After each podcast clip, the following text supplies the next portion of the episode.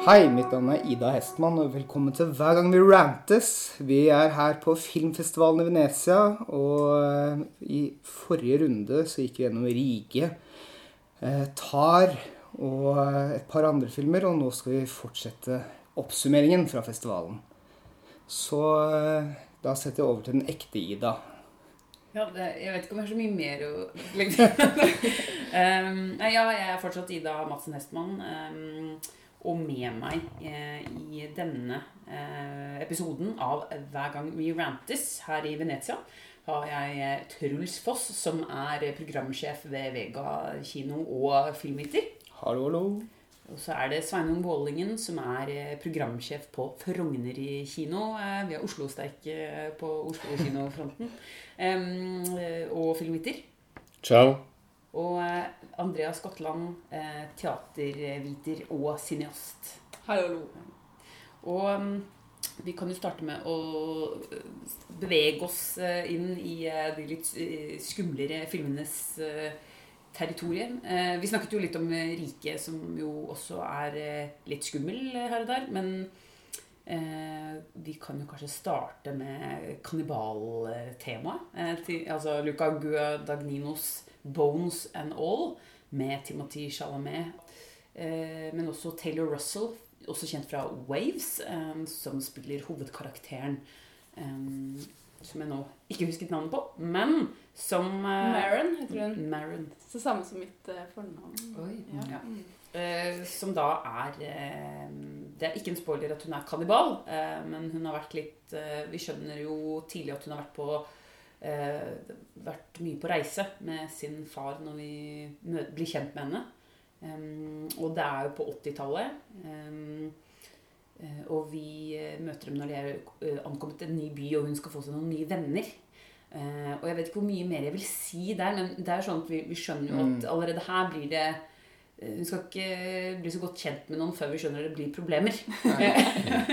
og der er reisen i gang. Eh, noe som jeg tenkte på da jeg begynte å se den, var at dette er jo, mm, det blir jo en road movie, og vi skjønner jo hvorfor. Eh, men også litt sånn coming of age. Møter kannibal og litt sånn skrekk. Um, Så det er fire Ja. gode elementer her. Du har liksom Mm. sjangerfilm, coming of age, road movie og 80-tallet. mm. Det er jo duket for en veldig god filmopplevelse. Ja. Ja. det er jo en fantastisk referanse. Og eh, sånn som jeg opplevde tilbakemeldingene på festivalen, så var de litt delte. Men eh, vi rundt bordet her var vel ganske enige om at dette var kanskje ikke Guadagninos beste film, men, men likevel at den eh, Eh, Ja, at alle disse elementene kommer sammen på en ganske original og, og medrivende måte likevel. Og da har sam, eh, samarbeida med han eh, David Kajanik igjen, som har skrevet manus til 'Call Me By Name' og 'Suspiria'.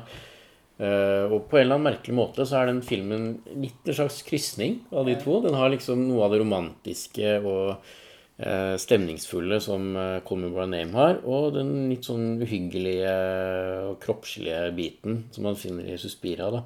Som selvfølgelig er en helt annen film, det er noe nytt. Eh, Men i disse sjangerrammene som man kjenner godt fra før, og langt på vei elsker, da. Ja. Jeg vil også si at denne filmen er en film som spiller på veldig u ulike nivåer. Du har eh, den helt konkrete fortellingen, som du kan se liksom, ok, et ung, noen unge mennesker som eh, har noen eh, drifter, eller kannibaliske drifter, og så må de reise. Men så har den så mange andre lag og nivåer som du kan lese inn i filmen, da. Som gjør den veldig komplekt. Og ja, ble bare umiddelbart utrolig glad i den filmen. Og man sitter igjen med en sånn uggen følelse, men også en sånn iver over at den er liksom så ekkel, og den toucher noe med utenforskap og det å leve i en verden som, hvor du på en måte ikke har en plass. Mm. Eh, hvor du hele tiden må gjemme deg og Ja, får skjule deg selv. Ja, du og får ikke liksom- være den du, du, du er. Eh, Nei. det syns jeg jo skildrer ganske godt, da. Veldig. Mm. også det at det fins andre som er som deg, men de er kanskje i en annen alder, eller er, har andre moralske verdier, eller ikke sant. Så, så innad i denne gruppen med eh, menneskeetere som hovedpersonen møter, så, så er det ikke, det er ikke gitt at hun eh, på en måte kommer overens med de heller.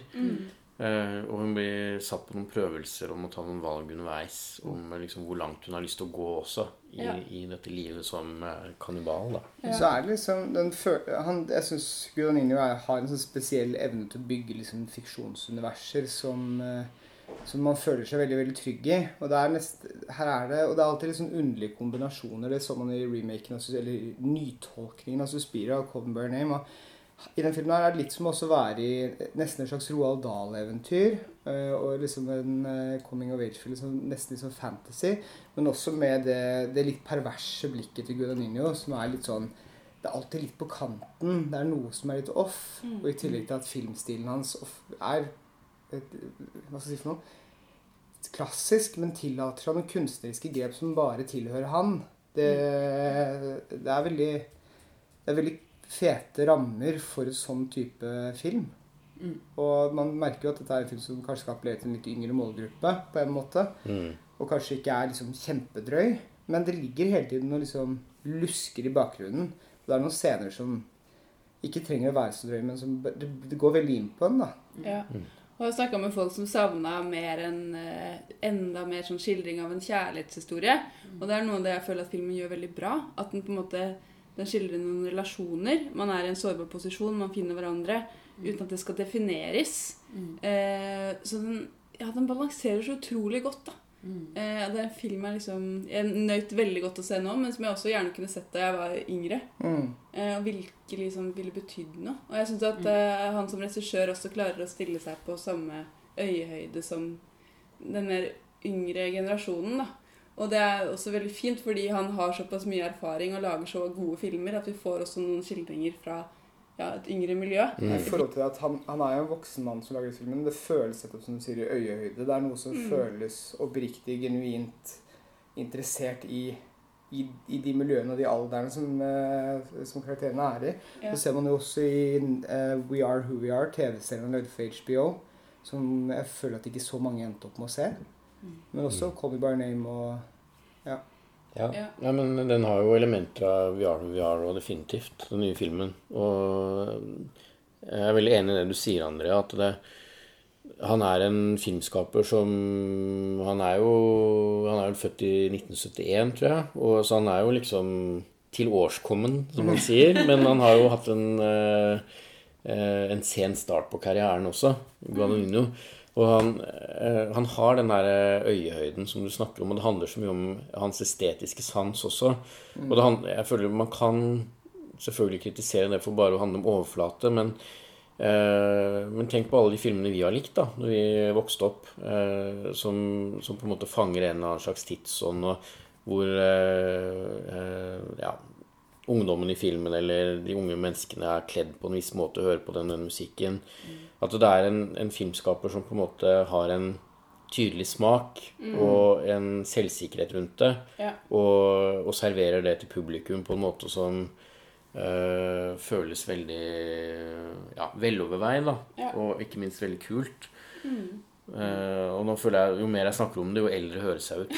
Men, men likevel, altså det, det er noe med å på en måte ha den selvsikkerheten, men samtidig være i kontakt med, med en sånn estetikk. Ja.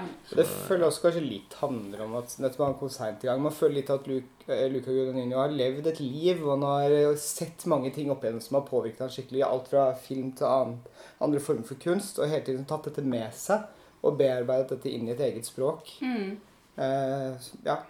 Og noe jeg synes er interessant med filmen, er hvordan den toucher noe sånn Hva skal man kalle det? Litt sånn overskridende eh, Litt sånn kinky På en måte uten at det plasseres på karakterene. Så det er ikke noen sånn seksualisering av dem, men det er likevel en utforskning av seksualitet og overskridelse som den gjør så utrolig genialt, og som jeg bare setter så pris på. Mm. Det er en slags sånn skeiv skildring uten at den er det konkret. Ja. Og det, det er veldig ja, Jeg tror fort det kunne brutt med stemningen og tonen i filmen og den slags distansen som, som filmen og karakterene har til tematikken rundt det å være kannibal og, øh, og den litt sånn øh, seksuelle eh, Ja, hva kaller man det? Altså, Lysten, eller ja, som står på utsiden av det etablerte. At det ville blitt Det ville på en måte eh, ødelagt filmen litt hvis det hadde blitt for mye sånn konkrete Ja. Sexscener og sånt. Jeg tenker også at eh, det, den les, eh, det jeg syns er interessant um, eh, fra, fra hovedkarakterens perspektiv, da, er jo at når hun da er i en søkende og leting etter seg selv, og søker da trygghet At det er, liksom, det er jo det trygghet og omsorg hun egentlig trenger. Um, og da blir på en måte behovet for eventuelt sex det, det, det blir veldig unaturlig at hun skulle ha det også. Eller liksom, da, da er det jo tryggheten først og fremst. Men det er en kul kontrast til liksom, dette veldig eh, altså begjæret for liksom, Eller lysten på å spise kjøtt og gjøre, begå en ekstremt eh, Um, umoralsk eller uh, ulovlig handling. Eh, drepe et annet menneske og, og rive løs kjøttet med, med tenna og liksom bare la alt blodet renne ned. Altså, det er jo liksom en veldig kontrast til det, da, tenker jeg. Uh, og at, at filmen de prøver å diskutere moral så mye som den gjør. Og den, den moraldiskusjonen kommer til uttrykk gjennom alle disse karakterene hun møter på veien, som også er menneskespisere. Um, og hvor folk har rettferdiggjør det for seg selv. Også for å kanskje eh, klare å leve med det, ikke sant? Det, det de gjør, det som blir sett på som kriminelt. Um, og, og derfra kan du selvfølgelig trekke paralleller til, hvert fall som jeg umiddelbart tenkte på, var jo da rusmisbruk. Um, og, og som da jeg føler også kommer veldig tydelig frem den parallellen gjennom karakteren til Timothy Chalamet, som, hvor, hvor vi møter familien, hvor de beskriver ganske sånn tydelig bilde der hvor han bare, uten at de skjønner noe, bare forsvinner og flykter og kommer og går og gjør de veld, den familien veldig opprørte. Da, eh, og, og hvor de ikke skjønner noen ting. Men det er jo nettopp sånn det er å leve med et familiemedlem som sliter eller er på sida av samfunnet, og som kanskje ikke kan fortelle eh, sannheten. Så jeg, jeg syns det var noen veldig gode, tydelige eh, ligninger, da. Enig. Ja. Og så er det bare I en tid hvor det liksom lages veldig mye dramafilmer, så er det bare deilig å se nettopp sånn type tematikk pakka inn i litt mer sånn eventyraktig fortelling. Eh, og så tenker jeg det har også vært litt, litt forskjellige uenigheter om noen syns kanskje at film burde vært nettopp litt drøyere og litt, eh, litt mer eksplisitt. da. Eh, og så er det liksom Nei, men kanskje han ville ha en lavere aldersgrense, for da ville flere se filmen. Og så tenker jeg også kanskje, kanskje han også ville ha en lavere aldersgrense, for dette kan fort bli en kultfilm for ja, typ liksom litt yngre tenåringer som ser den. Og føler på kanskje utenforskapet. Det er litt en sånn type sånn ballade for de. Men kjøttscenene er jo også ganske eksplisitte. Ja, men det er, det er ikke så høy aldersgrense på det i USA, vet du. Nei, det er sex, det er sex som er problemet. Ja. Kjøtt og pistoler er ikke så farlig. nei. Men jeg tenker jo da en, en film som eh, på en måte virkelig da skal være på ungdommens premisser, og ikke får det til i det hele tatt, er jo eh, The Sun, oh, eller uh, Sønnen, Ja. lagd eh, av uh, Florian Seller, som lagde The Father. Uh, som på en måte Jeg vet ikke hvor gammel han er egentlig, men jeg tror han er yngre enn Guadagnino. Nå spekulerer jeg litt. Men det føltes i hvert fall ikke som en troverdig oppvekstskildring i det hele tatt. Og den var jo altså også så ekstremt ordinært fortalt. Eh, og ble veldig spekulativ, syns jeg, i måten den skildra en, en gutt som da er veldig deprimert og henvender seg til sin eh, biologiske far og hans nye kjæreste. Uh, ja, det er parallellen her til Bones and All. Det er liksom eh, Det å på en måte lage en film som skal ta ungdommen på alvor. Altså at det, det miljøarbeideraspektet som er over den The Sun, det var ikke vellykket, syns jeg. i Nei, det fall. skjærer i er hjertet, for det, det var virkelig en film som var sånn ordentlig krise. Altså, Vi kom ut av salen og bare så på hverandre og bare gjorde grimaser, fordi det var helt krise. Det var så, ja, som du har sagt, så spekulativ og glatt og farlig. Men Hvordan er den farlig, da? Ja, det, bare, det føles ut det føles, det er, Hvis man skulle lage en film om en sånn tematikk, som den filmen har tatt for seg, som går på en, eh, en ungdom som ikke har det lett, og prøver å reach ut foreldrene sine, så skal man gjøre det skikkelig. Som vi har snakket om tidligere, Sveinung. Eh, og hvis man ikke gjør det skikkelig, hvis man gjør det litt i den eh, La oss bare beskrive filmen som en sånn pocketbok i hjørnet på Narvesen, eh, filmatisert på settet til Friends, bare pussa opp. Og det ser så TV-aktig og dårlig og dårlig regissert ut og dårlig spilt. Og alt er egentlig bare dårlig i alle ledd. Så, så skal man være litt forsiktig med det. Og så tar filmen noen, den tar noen den gjør noen konklusjoner, noen valg underveis, noen drømmesekvenser. Øh, og noen valg som disse foreldrene gjør, som bare jeg, jeg tror liksom, Det burde ikke bli laget film av det, da. Mm. For det diskuterer ikke tematikken på en verdig måte, eller på en måte som kan hjelpe. Mm. Eh, Jeg sitter ikke igjen Jeg satt i hvert fall ikke igjen med noe form for at dette burde være for eksempel, la oss si en DKS-film eller en skolekinofilm. Jeg tror den kan gjøre vondt verre fordi nettopp du sitter igjen uten noen svar, bortsett fra liksom Ja, en ting jeg ikke vil si nå, men bare, du sitter igjen bare med ett perspektiv på slutten, da. eh, Som er veldig gjennom nettopp foreldrene, på en måte. Ja. Eh, Jeg føler at det eneste denne filmen bekrefter, det er litt sånn dårlige fedre som er ordentlig dårlige fedre som tror at de er litt bedre fedre hvis jeg har sett denne filmen. Altså, Mm. Ja. Men det handler jo mye mer om faren, som er spilt av Hugh Ja. Jackman, enn sønnen. Og jeg mener du har lagd en film som heter 'Father'. eh, Og det skulle handle om forholdet mellom en far og en uh, Mm. uh, hans far, holdt jeg på å si. Og, og den var god, den, med Anthony Hopkins uh, som en dement Ja, der er vi kanskje litt uenige, men jeg syns den var veldig god når jeg først endte opp med å se den. Eh, men, og det godt skrevet og, og veldig sånn teateraktig. Han, han Regissøren kom jo fra, eh, fra teaterverdenen også, men, men den syns jeg var godt skrevet og spilt. Og, og slags, en, ja, en slags sånn skrekkfilm om demens.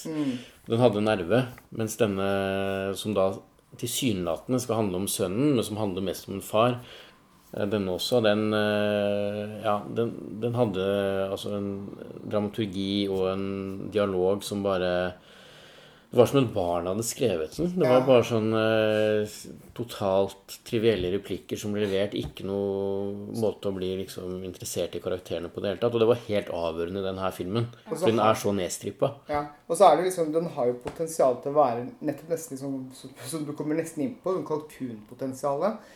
Fordi med disse gode skuespillerne, er også Laura Dern og Vanessa Kirby som spiller i den, eh, som alle sammen er kjempegode, men ingenting funker. Alt føles oppstilt rart og kunstig, og du tror ikke på det et sekund. Eh, det, er, det er bare rart å sitte i hovedkonferansen i Venezia, sitte i salen der og se på et sånt type verk og tenke sånn det her burde ikke engang liksom komme rett på strømming engang. Nei, og den burde brukes i filmskolesammenheng på dårlig regi. For jeg tenker Ja. at når man har et sånt skuespillerlag med seg, eh, som i utgangspunktet er så gode, og man merker likevel når man ser filmen at de, de klarer ikke å spille godt, da er det regissøren og skuespillerinstruksjonen da som, som svikter, da. Og for nesten følelse at de står i hvert sitt rom på green screen og snakker med hverandre når de spiller mot hverandre. Kanskje det var en koronaproduksjon, og så de ikke har sagt det. Ja. Nei, jeg vet ikke. Nei. Men en god eh, Ja. nå, nå driver jeg stadig med sånne broer her, men en god koronafilm var jo The Whale, da. Ja! Ja, Eh, enig. som eh, foregår i ett rom. Det var en, det var Ja. en eh, ekte Jeg holdt på å si glede. En glede å se denne Ja. forferdelig tragiske Ja, men dette, dette er en film Ja. som som- Jeg er veldig glad i filmer som det høres kanskje litt banalt ut, men som forteller nye historier. Mm. Og som forteller historier fra et annet perspektiv. Og dette er jo en film om en eh, svært overvektig mann som prøver å redde relasjonen til dattera si. Og altså, portretter av veldig overvektige personer ser man jo nesten aldri. Så bare det i seg selv, å bare se et menneske eh, i en situasjon som du nesten aldri ser, er bare så fint. Og så er jo filmen utrolig god i tillegg. Så bare sånn, det er pluss i boka fra min side. Og så må det nevnes at det er Darren Aronofsky som har regissert den, som kommer tilbake. Han hadde jo 'Mother' i hovedkonkurransen i Venezia i 2018. Eller 2017-2018. 2017. Eh, som eh, fikk ganske splitta mottakelse. Ganske litt sånn sur mottakelse. Eh, og vært litt ute av gamet siden da. Mhm.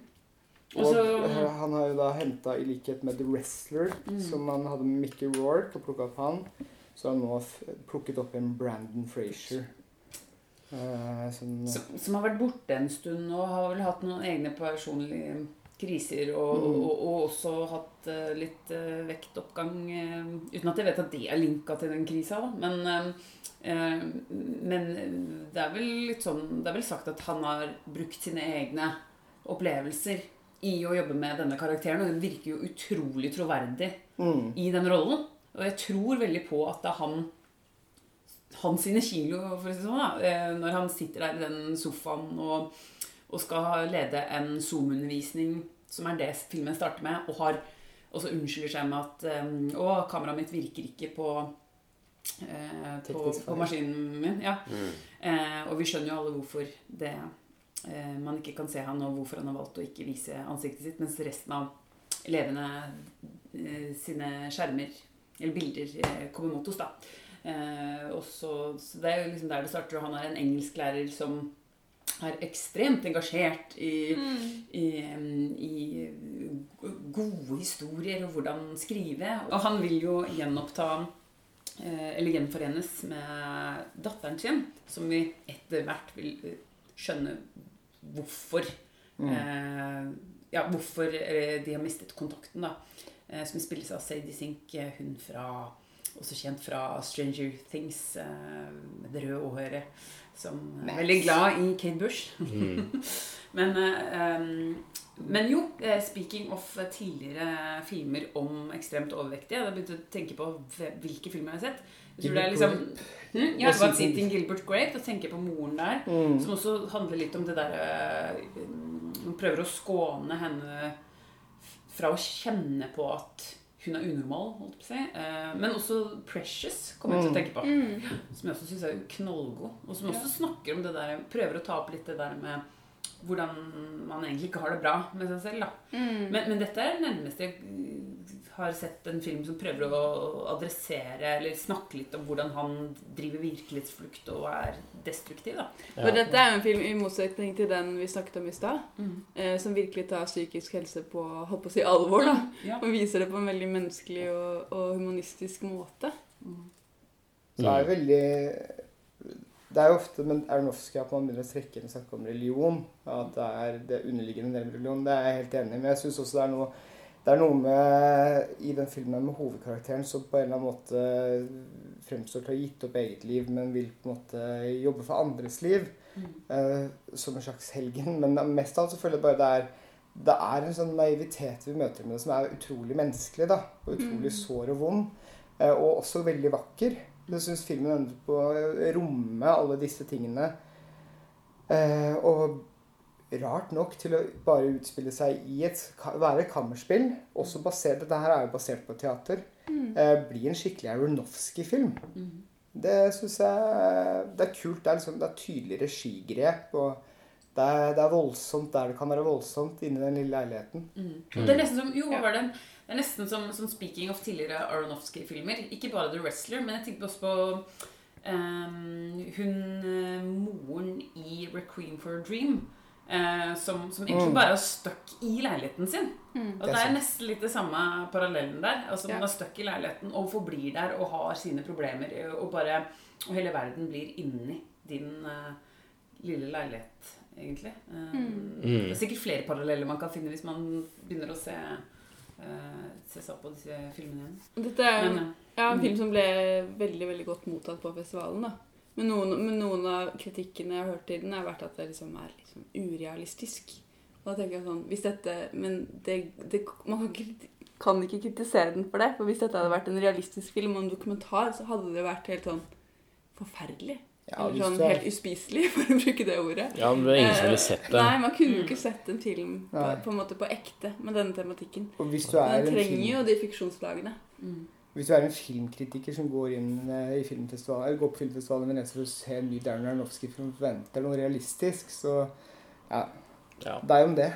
Det er jo det er klart, filmen den, På en måte er den vanskelig å snakke om, fordi den, den er jo bare en sånn emosjonell punch, liksom. Og hvis det funker, så funker det, og hvis ikke det funker, så så gjør du ikke det. Og det, jeg tenker det kan nesten Det er på en måte et sånn kjedelig og dumt argument i møte med film, syns ofte. Det der med dagsform og sånt. Fordi så enkelt er det ikke. Men akkurat med den filmen her så er det kanskje litt sånn òg. At man må være i humør for å se den. Og, og det er sentimentalt, og det er eh, til dels over the top. Eh, men Men med Eh, lidenskap og med oppriktighet. ja, for det er en, det er en sånn genuin humanisme i filmen eh, som jeg føler er ganske sjelden, særlig i amerikansk film som kommer nå. At det, det føles ikke påklistra, eller at man har prøvd å tilnærme seg noe eh, bestemt politisk eller ideologisk tematikk i tiden. Det, er, det handler bare om et enkeltmenneske som er ekstremt uh, utenfor samfunnet. Uh, og Aronofsky tvinger oss til å se på det. Ja. Jeg føler litt om det man kan si om Aronofsky istedenfor liksom eh, ja, Et uttrykk jeg syns passet, er høystemte følelser. Det føler jeg man kan si om han. Hva mener du med det? At det, er, at det er følelser som eskaleres opp. Liksom, filmene hans er jo alltid crescendoer, på en måte. Det bygger seg alltid opp til liksom, et, Han er jo en mester på klimakser. Ja. Eh, og på katarsis. Mm. Og det Ja, det er ikke noe unntak her. Nei. Og det, det, jo, det slo meg også når dere snakket om at når, liksom, det, den er humanistisk. Eh, som jeg også tenkte på når jeg så den, at eh, i alle ledd nesten, eller ved alle han møter på, da, eh, som kommer inn og ut døra hans eh, At hvis man skal se den enten det er på nytt eller for første gang, så kan man jo prøve å se etter eh, Som jeg på en måte prøvde å følge med på, at eh, egentlig alle relasjonene Det er en slags form for kjærlighet og omtanke Mm. i de relasjonene han har til alle. Mm. Og det syns jeg var veldig interessant, for det, det er godt skildra på ulike vis. Altså det, Noen ting kan jo være kamuflert gjennom å, noen som er sint, eller eh, frekk, eller eh, men, men, men jeg opplevde det som at egentlig er alt kjærlighet, da. Um, og det var veldig sånn godt å se oppi alt det sentimentale og veldig eh, triste tematikken da, eh, som gjennomsyrer filmen. Men, men det er på en måte ikke sånn at når jeg satt der og hylgråt, så var det jo mer fordi den er jo god i bånn. Og det tror jeg er sånn kjempeviktig å se i en verden hvor alt faller sammen eller smuldrer opp, liksom. Og med så mye egoisme, da. Ja, og så handler ikke filmen om mennesker som bare er gode heller. ikke sant? Det handler om mennesker som nesten prøver å unngå Det blir jo kommentert av hovedpersonen også på et tidspunkt overfor datteren. At det, det er mennesker som nesten prøver å eh, stå imot det å være god og engasjere seg. Ja. Men det er noe som er så genuint i mennesket at man, må, man bare må bry seg. Man må liksom føle for hverandre. Eh, og det kommer veldig til syne i filmen. Og den brytningen gjør jo at det blir meddrivende. Og man sitter og liksom håper at det, det skal bli en slags sånn katarsis. da. Ja. Og så så gjør det jo det til en viss grad. er jo hovedkarakteren en sånn eh, nærmest en katalysator for det i de andre karakterene. Mm. Liksom, han setter i gang noen tankeprosesser. Ganske ordknapp måte, men som Ja. bare Han blir jo nesten som en slags Jesusfigur, mm. egentlig. Eller noe som alle de andre bikarakterene projiserer. Ja, ja, seg han, selv på, da. han tar jo lidelsen. Han, Ja. han basically spiser det opp.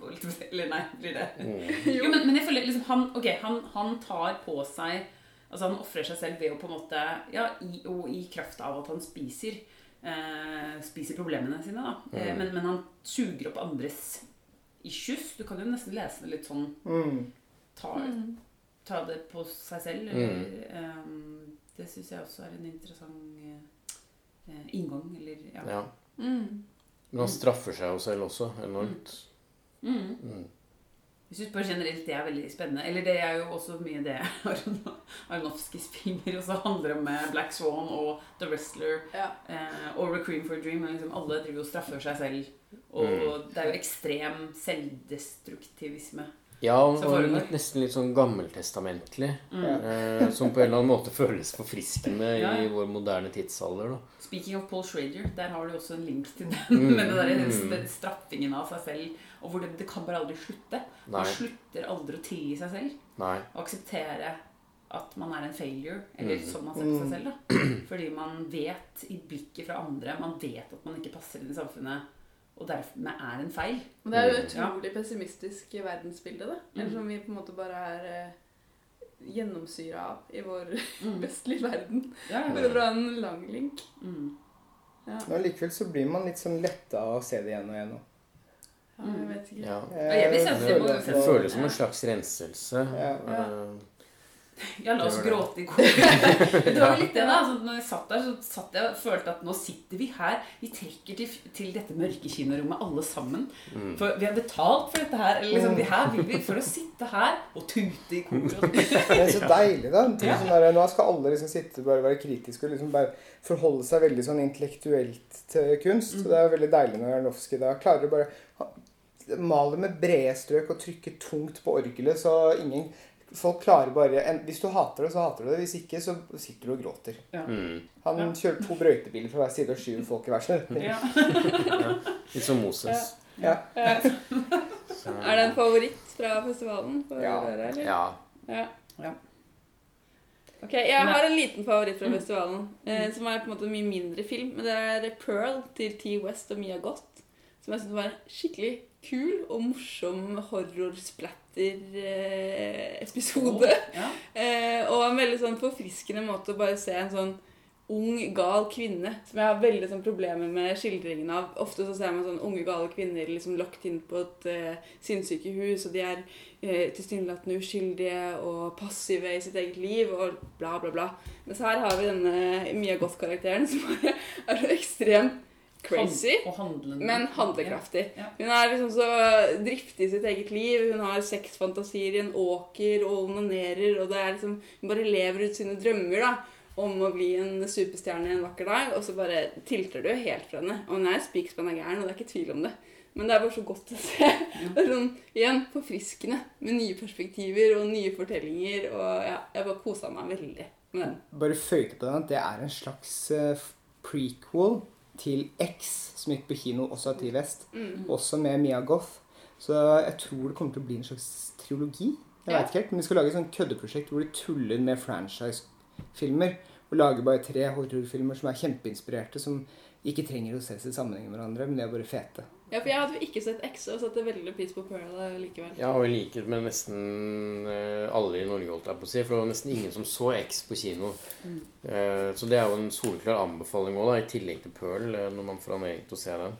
Men eh, en film som også ble på en måte en snakkis under festivalen, er denne Bardo. Regissøren husker jeg ikke navnet på. Kan dere Alejandro Gonzales Inarritu. Ja, den var du litt fan av, Ida. Ja, Mens vi andre var føler... litt mer på skepsisbenken. på Jeg, føler, jeg, jeg og Nei, hvem andre? Det var, ja, Birger Vestmo Ja. hadde litt sansen for den. Eller jeg hadde litt um... Uh, Nei, jeg syns jeg så noe der som jeg syntes var spennende. Og, men så var det andre ting jeg tenker åh, hadde bare kutta den med en time. Den er jo tre timer lang. Nå har du kutta den med i hvert fall en time. da Og kanskje ikke fokusert så mye på hovedkarakteren, som åpenbart er inspirert av um, Alejandro González Inaritu himself. Eh, Um, en halv på en måte av Ja. Fellini. Sånn kunstnerisk selvportrett. Så, så tenker jeg den hadde vært mer interessant hvis man, hvis man gikk rett til det å prøve å snakke om um, hva skal man si um, identitet og tilhørighet til eh, moderlandet, holdt på Mexico, og forholdet til USA, og kapitalismekritikk. Og som også kommer inn på altså, ytringsfrihet og, og hvordan det blir rammet av eh, av markedsliberalisme eh, og journalistikk, eh, som jeg kanskje er litt eh, eh, vel interessert i. da. Eh, men for det slo meg tidlig at dette her eh, virker veldig politisk, og det kunne godt sikkert vært i et format som var i ren tekst. Altså et essay eller eh, et eller annet. Eh, og sånn sett, ut ifra det, eh, så tenker jeg at du har i hvert fall klart å løse det litt mer visuelt eh, på film, da, enn eh, i forhold til det at det kunne kunne vært en tekst. Um, men, og da likte jeg jo litt begynnelsen, som, som jo er litt sånn eh, allegorisk og litt sånn Hvor er vi nå? og spiller på surrealisme og sånn. Og det syns jeg var kult. Um, men så tar ta, den tar seg jo veldig mye tid. Mm, ja, tre timer, ja. Ja, og så går den jo mange veier, så, så kanskje hvis du tok vekk en og to eh, elementer der, eh, og at den ikke snakka så mye om seg selv eh, Men det var noen episoder der som jeg syns var veldig god dialog, hvor han snakker om noe større gjennom samtaler med, med forskjellige folk, da. Jeg tror, jeg tror kanskje jeg personlig ikke catcha det. At jeg ikke har den bakgrunnen for den politiske situasjonen og de tingene som du kanskje vet litt om. Så for meg så fremstod det bare som noen veldig glossy, selvopptatt eh, kunstnerportrett som jeg bare ikke Litt, litt, som meg inn hvis, på, da. litt som hvis Tar var regissert av Tar. Ja, men det er ikke det en sånn regel. Du skal vel egentlig aldri lage filmen om deg selv. Eh, eller om Ja, altså, jeg syns det har kommet veldig mange sånne kunstnerportretter og litt sånn 8,5-inspirerte filmer de siste årene. Og uh, Inaritus landsmann uh, Alfons Cuaron lagde jo en tross alt mye mer dempa film, da. Men Roma, som jo ble en kjempesuksess. Uh, og ja, det er liksom Det skal noe til for å liksom få det til å gjøres relevant. Eh, Nå syns jeg ikke Roma heller var det. Det var en helt annen type film. Men, men det skal noe til å lage en sånn type film som på en måte har den Enten den voldsomme eksessen som 8,5 har, eh, og som klarer å liksom drøfte den overflaten og meningsløse tilværelsen som man kanskje opplever da som kunstner og i et kulturmiljø og sånt. Men, men ja, at det på en eller annen måte må gjøres relevant for publikum. Enten visuelt eller tematisk. Eh, og det var en del sekvenser i Bardo, synes jeg, som var veldig flott visuelt, og som isolert sett var liksom eh, Ja, traff meg og Ja. Eh, men jeg syns det ble Jeg synes, har alltid syntes at Sinarito er en veldig selvopptatt og narsissistisk filmskaper. Jeg syns ofte at det blir litt smakløst. Og det er et eller annet med hans sånn utadvendthet i møte med filmskaping som bare ikke funker helt for meg, i hvert fall. Og når han da i tillegg her i denne filmen skal lage en film som er såpass mye om han selv, da, så syns jeg det blir vanskelig å svelge. Og så er det liksom noen sånne scener med noe hornmusikk og surrealisme og som minner om sånn Emil Kusturica og eh, ompa-ompa-greier og eh, ditt og datt. Det Som, er tuba, som bare tuba ute i ørkenen med liksom Ja. surrealistiske scener og Ja. vann, vann på stuegulvet og Ja, ikke sant? Og det, og det blir jo veldig en smakssak, så Men stu... Ja, men, men likevel, da, det blir ikke Ja. bedre. Men det er veldig, sånn, Ja. veldig insisterende forteller eh, Eller jeg vet ikke. En veldig insisterende film. Det er ikke noe sånn åpent for noen andre lesninger. Det er liksom bare denne ene veien. Og den hang jeg meg ikke helt på, og da falt jeg helt av. Ja. Jeg følte liksom gjennom hele filmen at det var, at det var noe sånn eh, eh, Hva skal jeg si for noe? Det bare angikk på en eller annen måte ikke meg. Jeg kjenner jo også liksom gjennom Eller til liksom USA-Mexico-konflikten. Selvfølgelig gjennom veldig mye film og TV som er laget om det. Eh, men, og måten han diskuterer og måten han også diskuterer på en måte denne sto, Han diskuterer også en stor kunstner, som er karakteren som sannsynligvis skal speiles han, som skal til USA for å motta en pris. Ja, for det handler jo Eh, selvfølgelig ikke ja. om Minarito spesifikt, men Nei, det er jo en men det er eh, kunstner tydelig, som han leser seg inn i. Han leser seg inn, ja. Og på et eller annet tidspunkt så ble det Det føltes så navlebeskuende og så utilgjengelig å komme inn i den filmen. Så følte jeg heller ikke at det var noe på andre siden som jeg var interessert i å få en dypere innsikt i. Jeg følte aldri at filmen klarte å oppnå noen form for poesi, som den prøver veldig hardt på å skape. Så så det ble liksom bare etter hvert, underlig nok, selv om det er liksom her har du Darius Konji på foto og virkelig det er jo mye penger som Netflix har lagt inn i den produksjonen her. Eh, men blir bare liksom sittende, se på klokka og tenke sånn åh, nå er jeg lei. Nå vil jeg ut. Ja, så syns jeg ikke Jeg skjønner jo på en måte at eh, filmen skal handle om at denne hovedpersonen er veldig privilegert og eh, lever i en tilværelse hvor han på en måte kan holde på med sitt og eh, ja, er rik og, og sånt. Men, eh, men det handler jo mye om hans sjelelige kvaler likevel. Og filmen klarer ikke å være i kontakt med den meksikanske befolkningen eller, eller meksikanske kulturen som er rundt han, og skildre det på en måte som gjør at man liksom kommer i kontakt med den verden som man kanskje ønsker å få en kontakt med. da.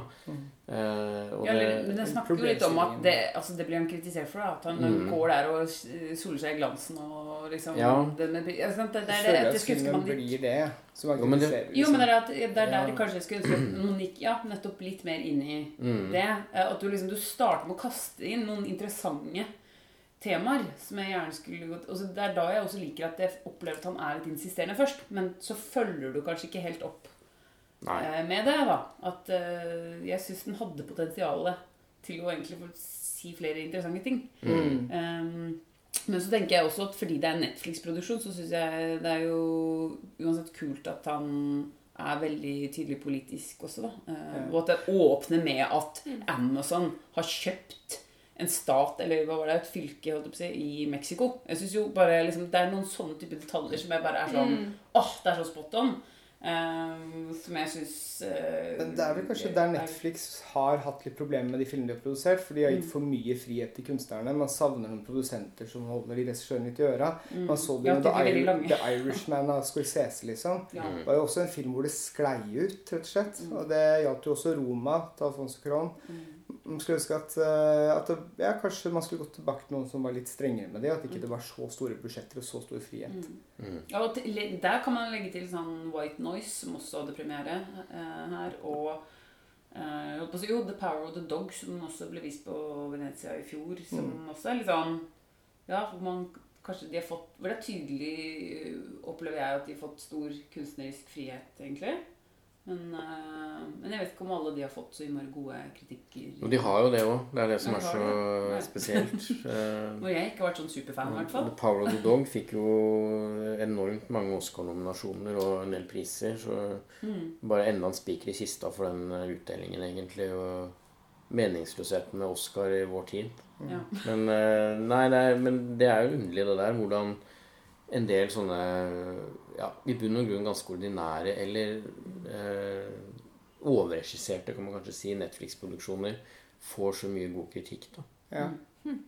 Når vi snakker om ting som ikke vi syns har vært så innmari bra, så er det jo Så har jeg også veldig lyst til å snakke om Don't Worry Darling, som eh, vel har fått kanskje mest oppmerksomhet i forkant av den festivalen her. Eh, og veldig mye bisarre saker som det har vært skrevet om i forbindelse med ja, produksjonen og altså mye drama rundt produksjon, som egentlig ikke handler noe om filmen i det hele tatt. Um, Mye såpeopera. ja, eh, og det, det er nesten så jeg er der at jeg lurer lure på om det er noe sånn PR-stunt med i bildet. Nå sist med spørsmål om hvorvidt Harry Styles spytta på Chris Pine da de skulle sette seg i salen. Nesten som man lurer på om det er et forsøk på å liksom, få folk til å bli så nysgjerrig på, på filmen at de bare må se den til tross for dårlige kritikker. da. Mm. Det er nesten så jeg lurer på det. Um, fordi, mm, som vi vet, at uh, all kritikk er Nei, eller Ja, all, omtale. all, PR. all PR er god PR. Og det er det noe jeg sitter igjen med og husker fra medievitenskap. Mm. Som jeg lærte om det, så er det liksom akkurat det, da. Ja. Um, Det er jo Så, skikkelig ja. trist, da. For mm. Booksmart av Olivia Wilde, som jo har regissert Don't Worry Darling, var jo en kjempevellykka slags uh, nyere versjon av Superbad. Ja, Så jeg sant. elska den skikkelig og gleder meg mye til den her. Så det Mm. var jo en ordentlig, det skikkelig skuffelse. Ja. Og jeg også, også jeg vært så fan av Florence Pugh, som, eh, som jeg elsket i 'Midtsommer'. Så tenkte jeg at det, Ja, blir denne rollen ja, Blir- Blir denne rollen liksom litt sånn bitte litt lik, eller liksom hvor hun spiller videre på det registeret der, da, eller um, Jeg bare tenkte at eh, hun Det virker som hun passer veldig godt til denne rollen. Mm. eh, som er vel eh, psykologisk thrilleraktig sci-fi. Ja, skal vi ta en kort sånn Ja. Hva handler filmen om? Ja. Et, et, eh, et community eh, som eh, i hvert fall skal føles som er satt eh, 1950-ish-tallet. Med klassiske eh, kjønnsroller og menn som jobber et sted hvor kvinnene ikke får vite hva som foregår, og at de er hjemmeværende og drikker drinker ved badebassenger hele dagen. og Og bare lever det søte liv, får vi jo også inntrykk av. At det Ja, er veldig vasker badekar og støvsuger. Ja, men jeg føler at det også er fremstilt veldig sånn rosenrødt. Mm. Det tar veldig kort tid å vaske huset. Og også lage sånn Ja, da er det ikke nok. Ja. Det er så, Liksom. bare sånn som åpningssekvens hvor det er skikkelig sånn Tim Burton, Edvard Saxon. Alle Ja. bor i like hus, de rygger ut med like biler. De Ja. på til hverandre, og så Og så kjører de av gårde. ja, knall farger. Men det var liksom veldig kult i starten, faktisk. Tenkte Ja. jeg, yeah, det svinger, og så bare Nei, det gjør Nei. ikke det, vet du, etter hvert. Men ja, hvorfor svinger det ikke? Eh, Nei, jeg, Det er for likt mye annet, kanskje. Ja, jeg syns jo allerede starten var uh, ganske uoriginal. Det var liksom ideer man har sett før, men litt sånn halvsatirisk uh, versjon av sånn uh, 1950-talls etter krigen-idyll i USA. Men eh, jeg er enig, da. Jeg syns at det lovet ganske godt. Jeg var spent på hvor det skulle bære. Og så er det noen overnaturlige elementer og sånt, og man skjønner at det, dette er jo en slags eh, Om ikke parallell virkelighet, så er det i hvert fall noe disse karakterene har gått inn i som eh, Ja, er noe, det er noe slags fiksjonelt her. Eh, og så bygger filmen seg opp til å skulle handle om noe mer og, og gå inn i de tingene. Hva, hva er det egentlig å være en del av her og sånt. Og så syns jeg bare det flata totalt ut. At det ble liksom altfor smått og uinteressant. Og, ja.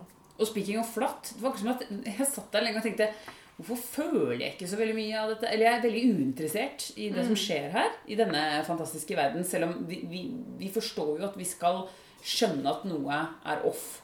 Men, men jeg føler det ikke. Jeg føler ikke at noen av sekvensene er noe så særlig ladd. Jeg, er ikke, jeg, er ikke, jeg, er ikke, jeg kjenner ikke den spenningen. Og det er ikke som jeg satt og følte rett og slett at, at bildet var flatt. Altså, sånn, At det var ikke, Jeg følte, opplevde ikke at det var uh, firedimensjonelt. Dybde, liksom. Ja, det var ikke noe dybde. Det var ikke, jeg Ja, det veldig godt poeng. jeg opplevde ikke cinematisk, da.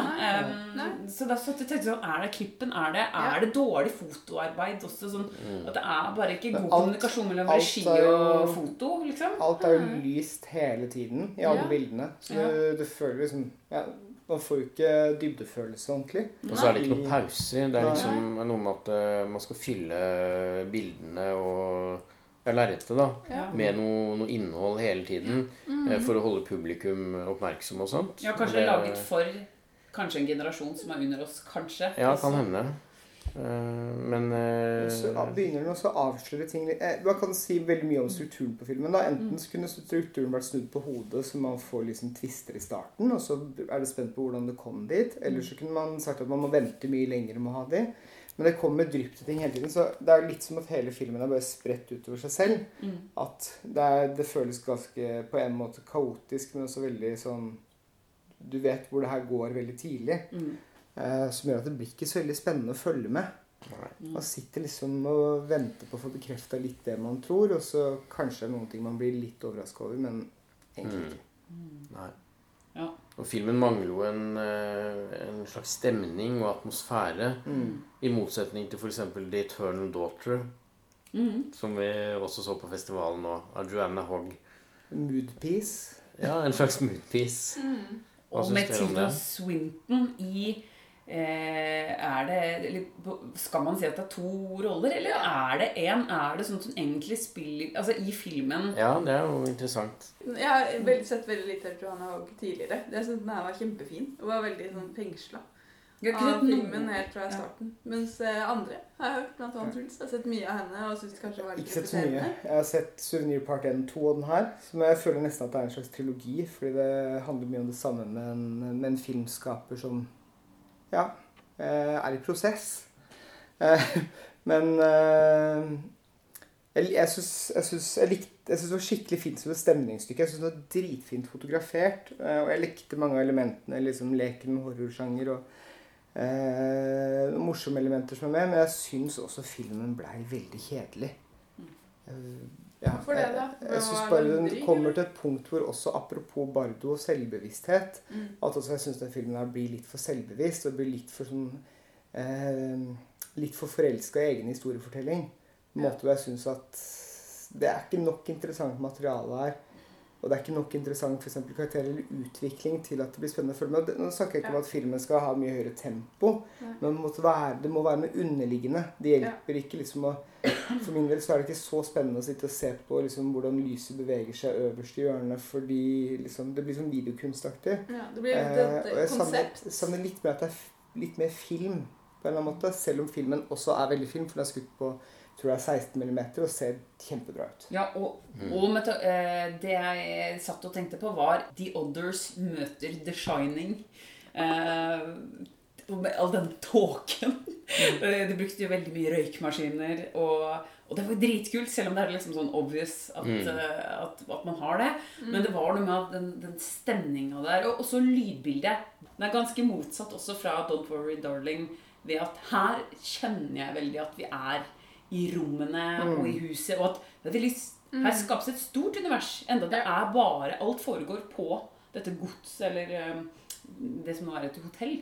Ja. Eh, Så det synes jeg er interessant. Her klarer du å lage et større eh, Et ganske stort rom. Mm.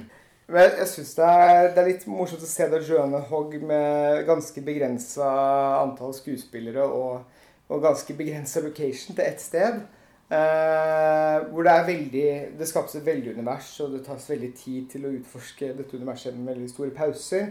Hvor Olivia Wilde liksom skal ha informasjon i hvert eneste som du nevnte, Sveinung, frame, og bare pakke de så voldsomt inn. da. Eh, så er det to voldsomme ytterpunkter det er egentlig veldig rart å sammenligne. Ja. På en måte. Ja, det Ja. kanskje man ikke skal. Ja, men det er noe med Ofte så kan man eh, Jeg tenker at eh, hvis man merker at en filmskaper har eh, selvsikkerhet, Mm. så kan det ofte merkes i de pausene at man legger inn liksom eh, Ja, noen øyeblikk i filmen som, hvor det ikke er dialog, hvor det bare skal liksom være litt eh, Ja, stemning, kontemplering og eh, at filmskaperen da liksom stoler på at nå jeg har kontroll over stemningen eller atmosfæren i min egen film, og nå tar vi oss tid til det. Og det gjør Joanne Haag eh, kanskje litt for mye, kan man si på en måte, men, eh, men hun, det er noe med formspråket her som er eh, veldig tiltalende, syns jeg i hvert fall, og som i tillegg eh, gjør at filmen til syvende og sist hever seg litt over veldig mye av det andre jeg så. Selv om jeg, jeg er enig, altså det var noen deler der med, med dialog mellom mor og datter i filmen som jeg tenkte dette angår meg ikke. Dette, jeg, jeg bryr meg ikke. Det, altså, hvorfor skal jeg sitte og se på det her? Eh, og kanskje det blir for personlig. På en måte så eh, minte det meg litt om eh, Chantal Akermann, som jeg har sett utrolig lite av. Men jeg vet at eh, hun eh, var veldig veldig sterkt knytta til sin mor.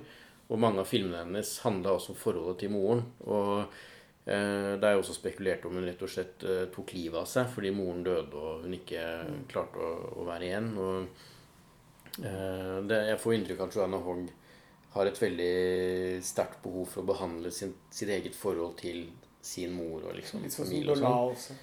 Ja, ikke sant? Og, Det er så, og det, er, eh, det er interessant i seg selv. Og, men, men det er ikke nødvendigvis sånn at det blir så veldig god film og formidling av det. Eh, så jeg syns uh, The Eternal Daughter starta enormt bra med når hun kommer til dette godset. Det var sånn gothic horror-aktig, veldig britisk. Uh, også med en, eh, en eh, resepsjonist som var eh, bare sånn der careface. Og jeg syns bare alle spørsmål fra denne Tilda Swinton, datterkarakteren, er kjempeirriterende. Den var var- veldig krevende òg, da. Ja, ja, det var jo det. Men, demands og Ja, absolutt. Så, men var det med hele den settingen og den der eh, litt sånn hotell i særklasseaktige settingen som var veldig, veldig morsom. Og på et tidspunkt så tenkte jeg sånn Oi, kommer det her til å bli litt sånn Brødrene Dal-aktig? Med sånn eh, bilder på veggen med øyne som beveger seg, og liksom at det er sånn blanding av skrekk og komedie. Det hadde vært Ja, kjempemorsomt. kjempemorsomt. Og spesielt med den visualiteten og den regien. Ja, for det Så er ville det vært ordentlig unikt. Ja, for det er sånn derre eh, Veldig sånn der overdreven sånn spøkelsesaktig stemning med tåke som siver inn og Men veldig stemningsfullt òg. Men så blir det litt kjedelig, ja. Ja. Og så kommer det seg litt på slutten, men ja, det var et midtparti der som, som var tungt. Men jeg må komme med en litt sånn feministisk brannfakkel på slutten der. Det må bare arrestere meg hvis det er helt urimelig. Men er det litt sånn mor-datter-forhold har litt lavere status enn far-sønn-forhold i film? Ja, men jeg Det syns jeg òg. Og hvordan være lav status. Nei, at man blir sånn Nei, det angår ikke meg. Og så er det sånn Nei, fordi man er ikke vant til å se mor-datter-forhold. Men Så det, det føles litt sånn intimt og litt sånn Det får de på en måte å ordne opp i på kammerset. Er Mens, mens å se- far-sønn-forhold, det, det er betydningsfullt for samfunnet. har du noen eksempler det- eh, The father and the son. ja, The Father and the Son, for eksempel. Ja. Ja. Er jo et veldig Ja, men jeg føler jo ikke at, jeg føler at Joanna Hogg kom veldig mye bedre ut av å skildre mor-datter enn The Sun kom ut av å skildre far-sønn. Ja, fryktelig mye bedre. Men jeg er bare er nysgjerrig på liksom noen eksempler her. Fordi jeg har, jeg har ikke nødvendigvis samme oppfatning. Nei. Hvis man ser tilbake på filmhistorien, så kanskje. Men, eh, men allikevel, Carrie til Brian De Palma er jo en mor-datter-skildring som har liksom har en kjempehøy status. Mer Men- enn jeg kom Ja. Carrie er, Brande Palma er jo en skildring som er veldig fra et maskulint perspektiv, da. Ja, det vet jeg ikke helt om jeg er enig i, ikke det men, men det, det man kan si, er at det er i hvert fall veldig øh, voldsomt og veldig Det det. sånn øh, eh, Ja, jeg vet ikke, men Det er et Men fint ja, jeg- samlingspunkt til eh, det- Det, kunne vært en, det her kunne vært en annen episode hvor vi diskuterer Ja. eh, hardnakket Ja. eh, Men- Ja, det får bli det. kanskje Det sånn ting det. å si når vi merker Nå kommer vi mot Ja. slutten her, men ting som man kan si ut fra det vi har snakket om nå, er at Venezia har ofte veldig sammensatt program, for det er såpass mye av disse gryne gryende Oscar-filmene som kanskje kommer til å vinne pris der, og du har liksom de smalere indie-filmene, det er mye amerikansk film der. Mm. Eh, Og så har du også disse Arthouse-filmene ved siden av. Så det er liksom en veldig underlig blanding. Også ofte mange politiske dokumentarer. Og dere har også sett en del retrospektiver av gamle filmer. som Ja, er, fordi det man alltid kan lene seg på hvis programmet er så som så, er jo at det er restaurert noen gamle klassikere eh, som vises under festivalen. Eh, og I år så gjaldt det bl.a. Eh, Carlo Di Palma sin debutfilm 'Teresa the Thief'. Og Carlo Di Palma er mest kjent som eh, filmfotograf for Woody Allen og Antonioni. Eh, mange store filmskapere, men han har også regissert noen filmer selv. Så den dro jeg og Truls og så. Eh, og eh, Carly Palma er død, men kona hans lever. Og hun var også til stede i Cannes for noen år siden når det ble presentert en dokumentar om Carly Palma som hun eh, vel langt på vei hadde regissert. Eh, så hun skal liksom eh, forvalte arven hans litt. Og kom opp på scenen i I noe kimono? flotte ja, slags Med sånn- dattera også. Ja. Da er det mor datter i kimono. ja, det var det. Sånne flotte gevanter. Eh, og det var bare en så ekstremt underholdende og god film. Og det var vel en av de beste vi Ja. så på festivalen. Definitivt. Litt sånn Woody Allen-aktig før han hadde begynt å samarbeide med Woody Allen. Bare ja. sånn- som en italiensk komedie. Radio Days av Woody Allen møter Amarcord til Fellini. Med liksom sånn alt fra skikkelig sånn, eh, sånn herlig anslag Pippi Langstrømpe- Pippi Langstrømpe-style. Med, med hun dattera i huset som blir slappa rundt, og alle blir slappa rundt. Ja. En tisser på et hjørne, en annen fiser i en kjele. Faren banner, kaster sønnen ut av vinduet og sier 'nå må du klare deg selv'. Skikkelig sånn Det, det koker fra første sekund, da. Ja, Skikkelig Eh. vimsete film. En slags sånn odyssé for denne karakteren som bare stjeler og skal komme seg opp og frem i verden. Og må inn i fengsel og kommer ut igjen. Og inngår noen forhold med ditt og datt. Og ja, skikkelig ja, levende film. Og ikke at den nødvendigvis kan sies liksom, trenger å sies å være en feministisk film, men det er en film som er eh, kul når det kommer til det perspektivet. For hun, hun er ikke en person som man kan plassere i en kategori som er, tilhører den tida. Hun er høylytt, hun er brautende, hun kler seg ikke alltid fint, hun gjør det hun vil.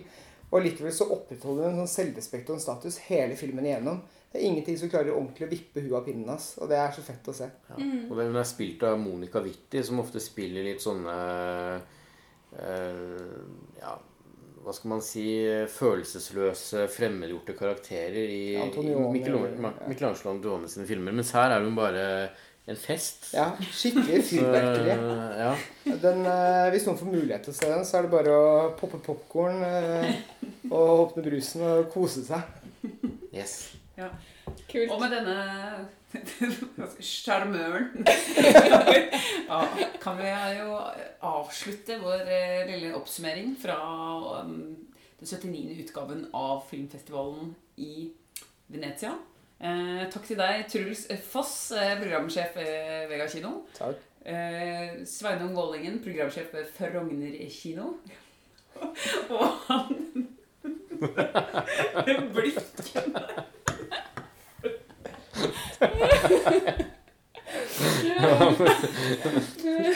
Du tok så veldig sats. Så Ja, ja. Og Andrea Skotland, eh, teaterviter og cineast. Og takk til deg også, Ida, for denne podkasten. Uhei.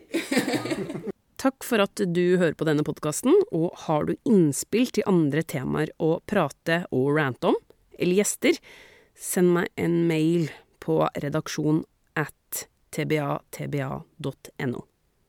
Mitt navn er Ida Madsen Hestmann, og jeg leder denne podkasten, som er et samarbeid med kulturplattformen TBA, To Be Announced, eller tbatba.no.